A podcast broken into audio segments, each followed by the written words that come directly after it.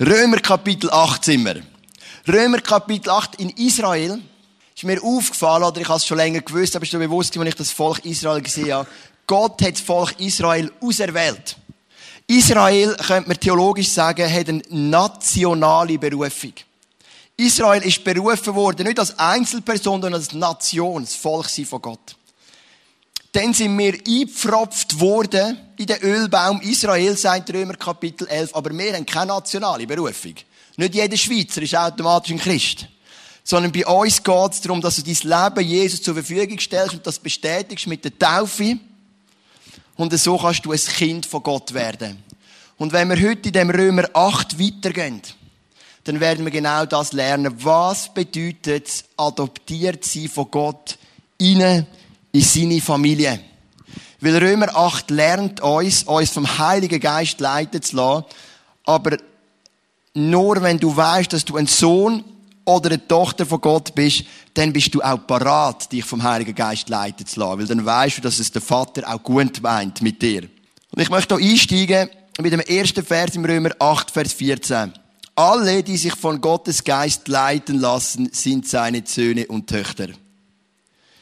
Also da gibt es eine Feststellung.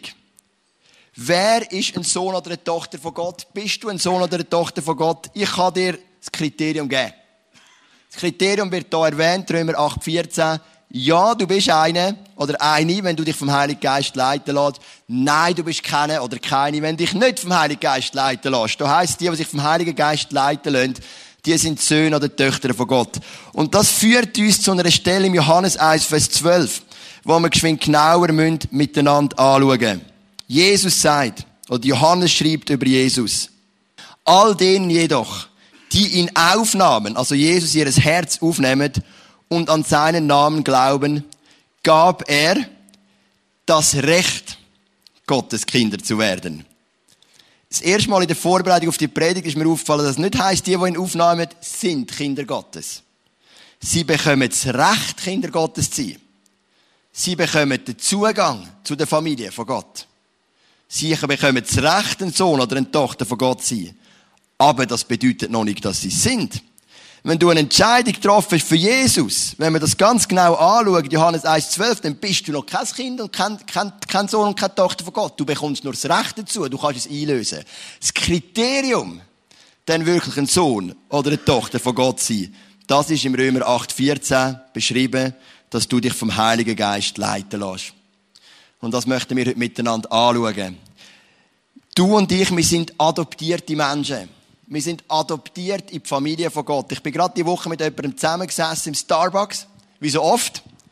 Und im Starbucks, wir haben zusammen geredet, er hat einen Sohn adoptiert und ist irgendwie Vorstand von einer schweizweiten Vereinigung von Adoptiveltern.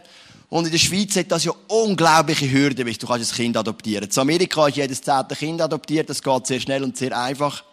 In der Schweiz hast du unglaubliche Hürden, dass du kannst ein Kind adoptieren musst, ein gewisses Alter haben, ähm, gewisse Umstände müssen zusammenstimmen und dann gibt es eine ellenlange Warteliste. Bei Jesus ist es ein bisschen einfacher. Wenn du dein Leben Jesus gibst, dich taufen lässt, dich vom Heiligen Geist ähm, ähm, leiten lässt, bist du adoptiert. Ist nicht so kompliziert. Du bist adoptiert, du bist nicht geboren drin. Wir sind nicht das Volk Israel, wir haben keine nationale Erwählung. Aber du wirst adoptiert in die Familie von Jesus. Was bedeutet denn Adoption? Definition gemäß Wikipedia. Immer dein Freund und Helfer. Adoption kommt von latinisch adoptio oder Annahme an Kindesstatt oder Annahme als Kind bezeichnet die rechtliche Begründung eines Eltern-Kindes-Verhältnisses zwischen dem Annehmen und dem Kind ohne Rücksicht auf die biologische Abstammung.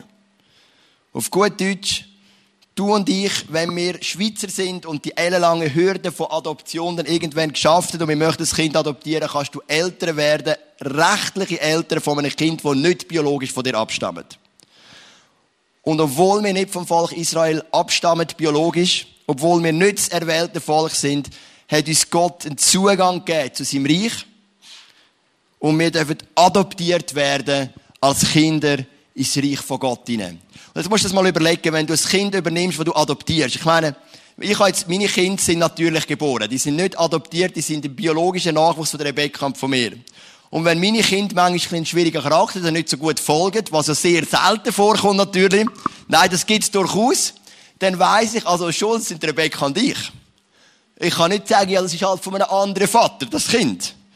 Und das hat sicher in den ersten Jahren, bevor wir es adoptiert haben, etwas reingelegt, das ich jetzt ausbaden muss. Sondern ich weiss, also wir haben es auf die Welt gebracht, wir haben es gezeugt, das ist unsere Verantwortung. Bei Adoption ist es ein bisschen etwas anderes. Wenn du zum lebendigen Glauben kommst an Jesus, dann tut Jesus geht mit dir einen Prozess, wo er vieles ausbaden kann, was du vielleicht gelernt hast noch im Leben ohne Jesus. Wert, was sich der Bibel gegenüberstellen, gewisse Verhaltensweisen, gewisse Muster, und dann wirst du adoptiert. Und Stück für Stück geht Jesus mit dir den Prozess vom Heilwerden und vom Gesundwerden. Und für das brauchst du die Führung, die Leitung vom Heiligen Geist. Ich möchte dir etwas vorlesen aus der Zeitschrift Zeit.de, ein grosses Heftchen, bekanntes Heft in Deutschland, von einem Adoptivkind. Es schreibt aus Sicht der Mutter, wo eben, wie gesagt, ein Kind adoptiert hat, wo aber nicht nach der Geburt zu ihr kam, sondern erst mit eineinhalb Jahren. Ein Leben lang wird es zu ihm, also zu dem Kind gehören, dieses Brandmal an seinem Kopf. Ein kahler Fleck, Handteller groß, also irgendwo im Kopf hat er ein Brandmal, also der kleine Bub. Ringsherum wächst der dunkle Schopf, doch an dieser Stelle sprießt kein einziges Haar. Glatzkopf, rufen ihm die Kinder hinterher. Erinnert uns in Elia vom Alten Testament, das ist aber ganz eine andere Geschichte. Dann wird Anton wild, so heißt das Kind, schreit, randaliert und kratzt. Die Spötter wissen nicht, dass Anton als Baby fast verbrannt wäre in seinem Gitterbettchen. Ganz allein im Kinderzimmer. Aber er selbst weiß es. Wut überkommt ihn, wenn er die Fotos anschaut, die geblieben sind aus seinem früheren Leben. Jetzt ist Anton neun Jahre alt und langsam beginnt er zu begreifen, was los war mit seiner Mama das ist ihre biologische Mutter, dass sie krank war, zu viel rauchte, zu viel trank und zu viele Drogen nahm und ihm vor den Feuer nicht in Sicherheit bringen konnte. Seine Ausraster haben wohl mit diesem Schmerz zu tun, so früh verlassen worden zu sein, so schutzlos einer Gefahr ausgeliefert gewesen zu sein, die ihm beinahe das Leben gekostet hätte. Seit acht Jahren hatte sich Anne Baumann zur Aufgabe gemacht, so heißt Mutter, der Name ist natürlich geändert, diesen Schmerz für Anton kleiner werden zu lassen. Aber sie hätte nie gedacht, wie viel Kraft sie das kosten würde. Der Bub ist eineinhalb. Mutter hat trunken, Drogen genommen. Sie ist die Feuer gekommen, ist dort fast verbrannt. Die Mutter hat nicht können retten, nicht können helfen. Und mit eineinhalb kommt er zu der neuen Mutter. Und sie merkt bis heute, dass der Bub noch leidet unter einem alten Leben. Und wir haben auch ein altes Leben. Wir haben ein Leben vor Jesus. Und in dieser Zeit hat sich gewisse eben Verhaltensmuster, Wert bildet in unserem Leben. Und dann werden wir von Jesus adoptiert in diese Familie. Und dann fängt Jesus an, das wieder gesund zu machen. Und das braucht wahrscheinlich aus Sicht von Jesus viel Geduld. Weil manchmal machen wir wieder zwei Schritte vorwärts und dann wieder einen Schritt hinterher. Und manchmal verhaltest du dich, wenn du neu bist im Glauben, so wie es einige sind da drinnen, dann verhaltest du dich, wo du denkst, boah, jetzt habe ich aber recht etwas gelernt denkst, jetzt bin ich ein bisschen durch und im nächsten Moment passiert dir wieder etwas, wo du denkst, ich habe glaube noch gar nichts gelernt. Und so geht es auf jeden Fall mir. Und dass du in diesen Prozess kannst reinkommen, von dem Heilwerden, von dem Gesundwerden, von dem Leben als Sohn und Tochter von Gott, musst du lernen, dich vom Heiligen Geist leiten zu lassen. Und dann heißt es im Römer 8, Vers 15, denn der Geist, den ihr empfangen habt, macht euch nicht zu Sklaven, so dass ihr von neuem in Angst und Furcht leben müssen. Er hat euch zu Söhnen und Töchtern gemacht. Und durch ihn rufen wir, wenn wir beten, aber Vater. Also jetzt definiert der Paulus den Geist. Er sagt, du bist ein Sohn und Tochter von Gott. Und in dir regiert ein Geist. Und der Heilige Geist, der gibt dir nicht einen Geist von der Sklaverei. Du wirst nicht unterdrückt von Gott. Du wirst nicht gequält von Gott. Sondern ein Geist von der Sohnschaft.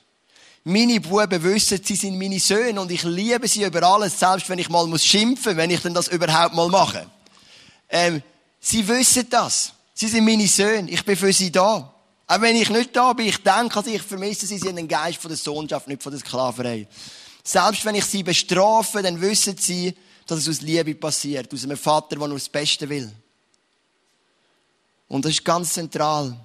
wenn du den Geist von der Sklaverei hast, wenn du Angst hast vor Gott, wenn du in einer falschen Furcht lebst, es gibt ja auch eine gesunde Gottesfurcht, das ist auch wichtig, dann wirst du dich nicht öffnen, dich vom Heiligen Geist leiten zu lassen, weil es dir Angst macht. Aber wenn du den Geist hast vom Sohn und von der Tochter von Gott, dann wirst du parat sein, dich einfach zu öffnen für den Heiligen Geist, weil du Gott vertraust. Was macht denn ein Sklave aus? Ein Sklave wird zur Arbeit gezwungen. Ein Sklave hat Angst vor Bestrafung.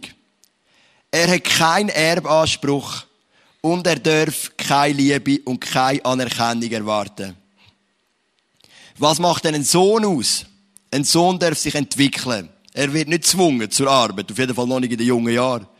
Er sieht einen Sinn in der Erziehung, was ja bei einem Sohn auch gibt. Er hat einen vollen Erbanspruch und er ist sich der Liebe und der Anerkennung von seinen Eltern voll und ganz bewusst. Und darum heißt es im 1. Thessaloniker 5, Vers 19, Lönt den Geist von Gott unkindert in uns wirken, weil ihr habt den Geist von der Sohnschaft und nicht den Geist von der Sklaverei. Ich habe einen Clip mit heute, genommen, mit, heute mitgenommen von einer Frau von der Sopal Struppler. Sie wird live im ICF Luzern sein, zusammen mit ihrem Mann am 29. Mai. Sie ist adoptiert, ihre gebürtigen Eltern kommen von Kambodscha und sie erzählt uns ein bisschen von ihrer Geschichte, von der Adoption. Schauen wir doch miteinander den Clip von der Sopal. Situation von Adoption nicht eins zu eins auf unser Leben übertragen. Weil im weltlichen Leben ist es so, du bist von einer Mutter geboren und dann kommst du in eine neue Familie und du verlierst die alte. Bei uns ist es so anders. Wir behalten ja unsere liebliche Familie. Sie bleibt unsere liebliche Familie. Wir bekommen eine zweite Familie, geistliche. Und dort innen werden wir adoptiert. Und dennoch hat Sopal ganz viel gesagt, was wichtig ist für uns. Sie hat gesagt, ich wollte heimkommen.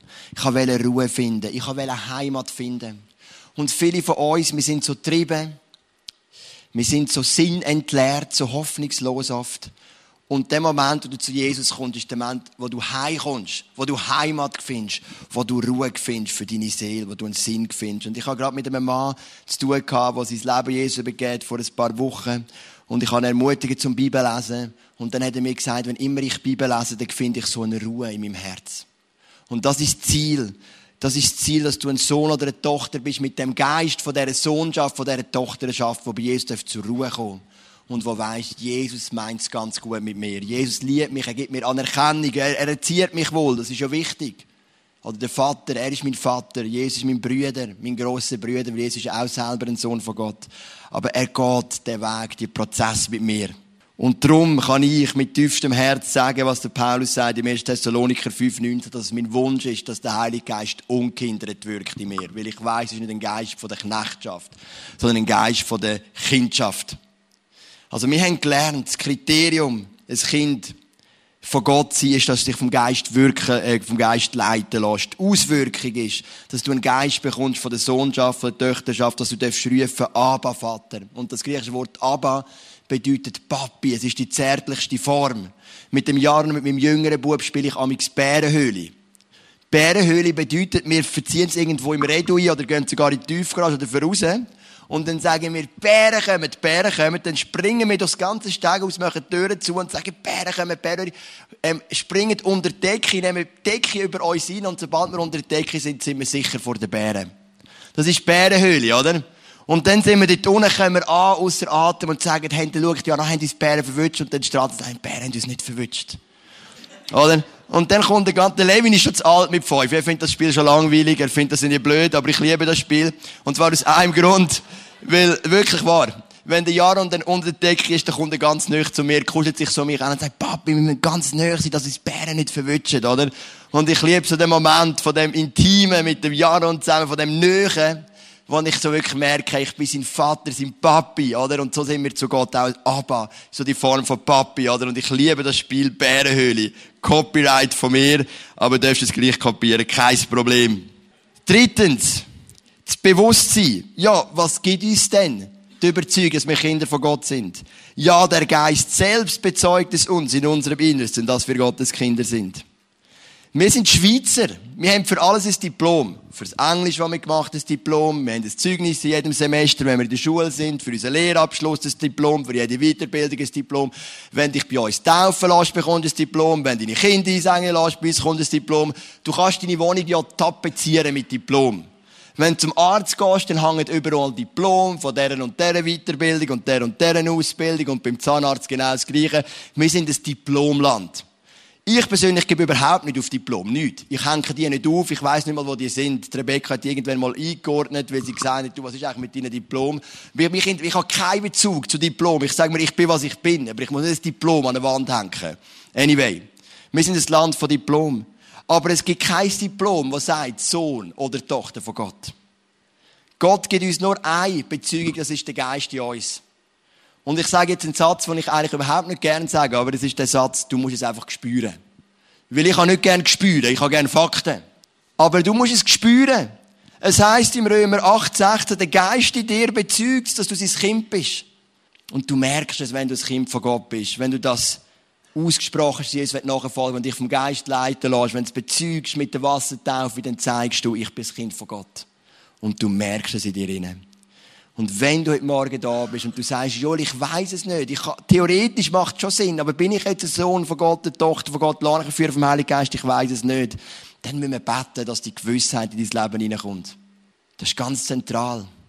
Wir sagen dem theologisch auch Heilsgewissheit. Gott will, dass du weißt, dass du ein Sohn oder eine Tochter von Gott bist. Er will, dass dir das bewusst ist. Und der Heilige Geist in dir bezeugt. Es gibt kein Diplom, es gibt nur den Geist in dir. Er ist dein, dein Diplom. Ja, was ist denn Volk? Das ist die vierte Frage, die wir euch stellen, wenn der Geist in uns wohnt. Im Römer 8, 17, Teil 1 heißt wenn wir aber Kinder sind, sind wir auch Erben.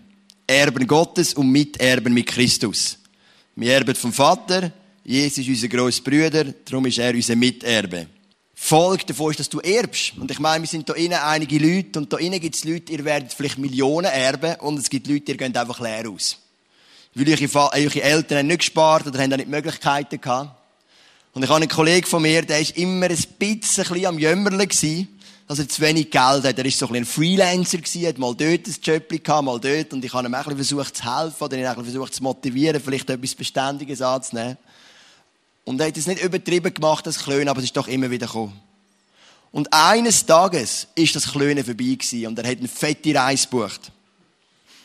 Und ich habe gedacht, wie ist jetzt das möglich? Weil ich habe schon gewusst, dass seine Projekte werfen jetzt nicht Millionen ab. Er ist froh, wenn er über die Runde kommt. Da habe ich mit ihm geredet. Er hat geerbt. So simpel. Seine Eltern haben gut gespart, die haben gut Geld auf die Seite gelegt. Er hat geerbt. Und nicht wenig. Er ist ausgesorgt. Schön für ihn. Ja, mag ihm so gönnen, ist ja nicht mein Problem, wenn er erbt, oder? Aber jetzt gibt es einen Punkt. Da innen gibt es Leute, die werden erben. Ganz viel. Und es gibt Leute, die gehen total leer aus finanziell. Das Einzige, was ihr erbt, ist vielleicht irgendwie ein Bild vom Großvater, von deiner Großmutter. Das wäre dein Ur Urgroßvater, oder? Vielleicht noch irgendwie ein alter Tisch, wo du musst zahlen dafür, dass du kannst entsorgen. Ähm, möglich, gell? Das ist nicht fair. Du bist ein Kind, du bist ein Erbe. Das ist so. Und was auch immer erbst, das hängt von deinen Eltern ab. Aber jetzt gehen wir wieder zum Geistlichen. Du erbst. Du bist ein Kind und darum erbst du. Und bei Gott erben wir alle und alle gleich viel und alle haben den Zugang zum Gleichen. Was erben wir denn? Wir erben Früchte vom Geist. Wir erben Gaben vom Geist. Wir erben Frieden und Freude in unserem Leben. Wir erben inneren Reichtum. Und am allermeisten erben wir ewiges Leben. Das ist unser Haupterbe. Wenn wir sterben, dann werden wir ein ewiges Leben haben im Vater im Himmel. Das ist unser Erbanspruch, den wir haben. Und es gibt ein Problem, dass wir das oft nicht verstehen. Und genau das ist passiert beim Älteren von den zwei verlorenen Söhnen, verlorenen Söhnen, Lukas Kapitel 15. Das ist eine Geschichte von zwei Söhnen. Beide begreifen nicht, was sie für einen Anteil haben. Und der Jüngere, der läuft weg und läuft davon. Und über den hört man immer Predigten und über den sage ich jetzt gar nichts.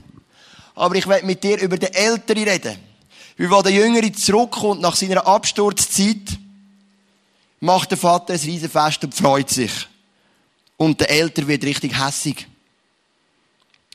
weil er etwas nicht begriffen hat. Aber er, ist der ältere von diesen Söhnen, ist Lukas 15, 29 bis 31, aber er hielt seinem Vater vor, so viele Jahre diene ich dir jetzt schon. Und ich habe mich nie deinen Anordnungen widersetzt. Ganz anders als die jüngeren Brüder. Und doch hast du mir nie auch nur einen Ziegenbock gegeben. so dass ich mit meinen Freunden hätte feiern können. Tönt hart. Und dann kommt dieser Mensch da zurück, oder? Dein Sohn, also nicht mein Bruder, dieser Mensch da, oder? Dein Sohn, nicht mein Bruder, aber dein Sohn ist er, der dein Vermögen mit Huren durchgebracht hat.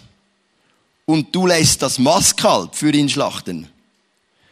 Kind, sagt der Vater zu ihm, du bist immer bei mir und alles, was mir gehört, gehört auch dir. Der ältere Sohn hat etwas nicht begriffen. Der Vater muss ihm es nicht schenken, weil er hat es schon.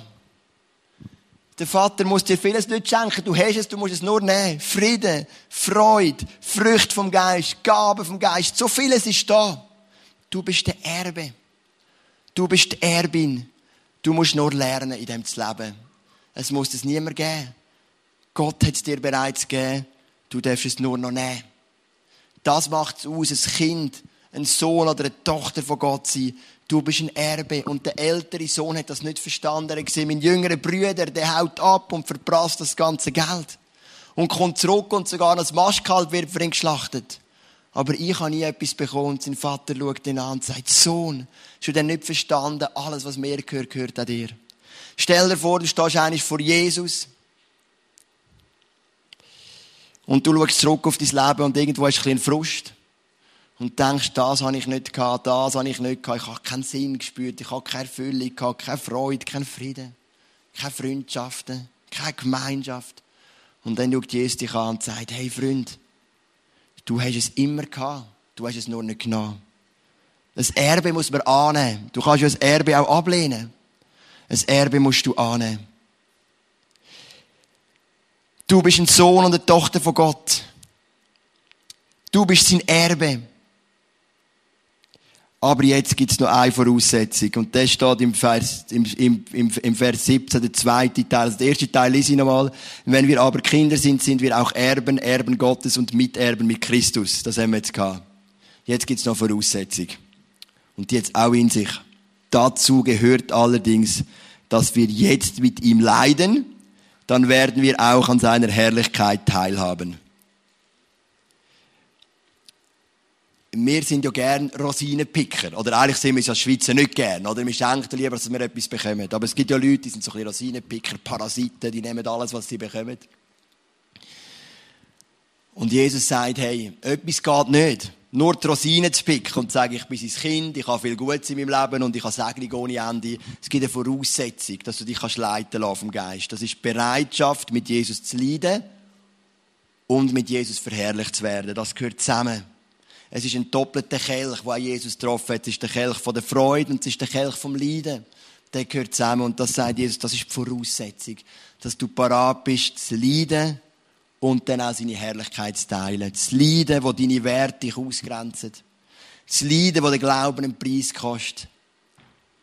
Das Leiden, es dran ist, für etwas einzustehen, was schwerfällt, vielleicht vor anderen. Und dann kannst du auch teilhaben an dieser Herrlichkeit, wo du einen Zugang hast als Sohn und als Tochter von Gott. Und dann heißt es im Vers 18, im Übrigen meine ich, dass die Leiden der jetzigen Zeit nicht ins Gewicht fallen, wenn wir an die Herrlichkeit denken, die Gott bald sichtbar machen und an der er uns teilhaben lassen wird. Also Paulus schließt die Gedanken noch ab und sagt, ja, es gibt Leiden, okay. Aber es ist doch kein Vergleich mit der Herrlichkeit, die nachher kommt ist doch ganz ein anderes Level. Wo wir am Toten Meer waren, auf der Israel-Reise, haben wir ein schönes Hotel gehabt. Wir hatten okay Hotels gehabt, so normale Standard, aber am Toten Meer haben wir ein richtiges Luxushotel gehabt. Da habe ich mich gerade die gefühlt. Und dann bin ich eigentlich am Nachmittag, wo wir frei hatten, einer von den wenigen Freien, dachte, ich wette in das Spa. Das ist Wellness. Warmes Wasser, Salzwasser im Toten Meer, aber gewärmt, oder? Da kannst du so richtig treiben lassen, Whirlpool, einfach, ähm, Liegestuhl, alles, was mir passt. Aber ich habe gewusst, wenn du wirklich geniessen willst, dann musst du vorher ins kalte Wasser. Das Leiden kommt voraus und dann kommt Herrlichkeit. Das biblische Prinzip. Römer 8, Vers 17 und 18. Und das hat ein Pool gehabt. Und das Pool ist kalt. Alle, die gewesen sind, können das bestätigen. Und ich habe gewusst, das Leiden in dem kalten Pool, das lohnt sich jetzt. Verglichen mit der Herrlichkeit von dem Spa, das ich nachher wird erleben Was für ein brillantes Beispiel, um den Bibelvers zu vertiefen. Ähm, Und ich bin das kalte Wasser. Nicht, weil ich gerne kaltes Wasser habe. Nicht, weil ich Lust habe, ins kalte Wasser zu gehen. Sondern während ich kalt war, habe ich die Herrlichkeit gesehen von dem Spa, das nachher auf mich gewartet hat. Von dem, von dem 36, 37 Grad warmen Wasser. Auf mit dem toten Meer, das dich treibt, mit dem Whirlpool und diesen schönen Liegestuhl. Und so ist es oft mit Jesus. Du musst leiden, ja, gehört dazu als Sohn und Tochter von Gott, aber dein Fokus ist die Herrlichkeit. Und die Leiden fällt nicht wirklich ins Gewicht, ins Gewicht gegenüber der Herrlichkeit, die dich erwartet. Das ist das, was du erkennen als Sohn und Tochter von Gott. Ich möchte zwei Bilder nochmal zeigen, die wir hier immer hatten heute. Sklav oder Sohn. Und ich meine, wenn wir ehrlich sind, ich bin lieber Sohn als Sklav. Und die Frage ist, welcher Spirit regiert, du, regiert dich, wenn du an deinen Vater im Himmel, an Jesus denkst? Welcher Spirit regiert dich? Ist es der Spirit von der Sklaverei, wo dir sagst, ich habe Angst? Ich habe Angst, dass er mich irgendwo auf Sibirien schickt, wo ich gar nicht hin will. Ich habe Angst, dass er einen Prozess angeht in meinem Leben, wo mir nur wehtun, aber keinen Benefit bringt. Oder bist du ein Sohn, der weiss, ich habe einen liebenden Vater und der meint es gut mit mir, der hat einen guten Plan mit mir und der weiß schon, wo er mit mir muss durchgehen und welche Prozesse er muss angehen. Und gerade wenn du in schwierigen Phase bist von deinem Leben, kommt die Frage noch mehr. Was ist dein Gottesbild? Ist es der Sklaverei-Spirit oder ist es der Sohnschaft, Tochterschaft-Spirit? Was ist dein Gottesbild? Hebst du fest an den liebenden Gott, der nur einen Wunsch hat? Nämlich, dass du dich von seinem Heiligen Geist leiten lässt oder fallst du vielleicht auch oft zurück in das Sklaverei-Denken, wo du denkst, es ist ein Volk für etwas, was ich irgendwann mal gemacht habe. Manchmal merke ich, wie nöch die Leute an dem Sklaverei-Denken sind. Und mir ist ein Gespräch in Sinn mit einem Kollegen von mir, ist katholisch und ich habe gar nichts gegen die katholische Kirche. Wir ehren die katholische Kirche, keine Frage. Aber er hat sich aus verschiedenen Gründen entschieden, auszutreten aus der Kirche. Dann hat er mit mir das teilt, er gesagt, er möchte austreten und will protestantisch werden. Und dann ist er Velo gefahren und hat dann beim Velofahren so richtig traurig auf den Sack gerührt. Und dann hat er mir angeschaut und gesagt, hey, das ist für mich so komisch ich habe Austritt gegeben und ich habe Angst, dass es die Strafe ist von Gott. Und mir ist das so schräg reingekommen, weil ich bin so anders erzogen worden, von einem liebenden Gott. Aber ich habe gemerkt, hey, der Sklaverei-Spirit ist vielleicht, vielleicht manchmal doch näher, wie wir denken. Aber Gott gibt dir einen Spirit von der Tochterschaft, von der Sohnschaft, der sagt, aber Vater, du bist mein Papi, du bist mein Vater. Ich möchte beten für dich, dass wenn wir weitergehen, dann auch nächste Woche, die nächsten drei Mal mit der Römer 18 dass du darfst als ein Sohn und als eine Tochter von Gott dich leiten lassen von dem Heiligen Geist. Wenn du merkst, du bist es noch nicht, oder du hast noch keine Gewissheit, dann komm doch nachher auf mich zu, dann beten wir, dass du kannst Sohn oder Tochter von Gott werden. Und dass du dich gerne kannst leiten lassen in dem Spirit von dieser Sohn und von dieser Töchterschaft. Und ich glaube, dann kann der Heilige Geist dein Leben ganz, ganz neu bestimmen und definieren. Vater im Himmel, du hast deinen Sohn Jesus auf der Erde gegeben. Und Jesus hat den Jüngern gesagt, sind nicht traurig, wenn ich gegangen will, da kommt der Geist. Und der Heilige Geist wird euch leiten.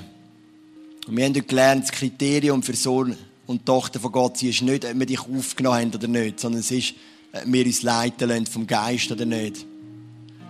Und es ist etwas Wunderschönes, sich von einem Geist leiten zu lassen, wenn man weiß, es ist ein liebender Vater dahinter, ein Abba-Vater, ein Papi.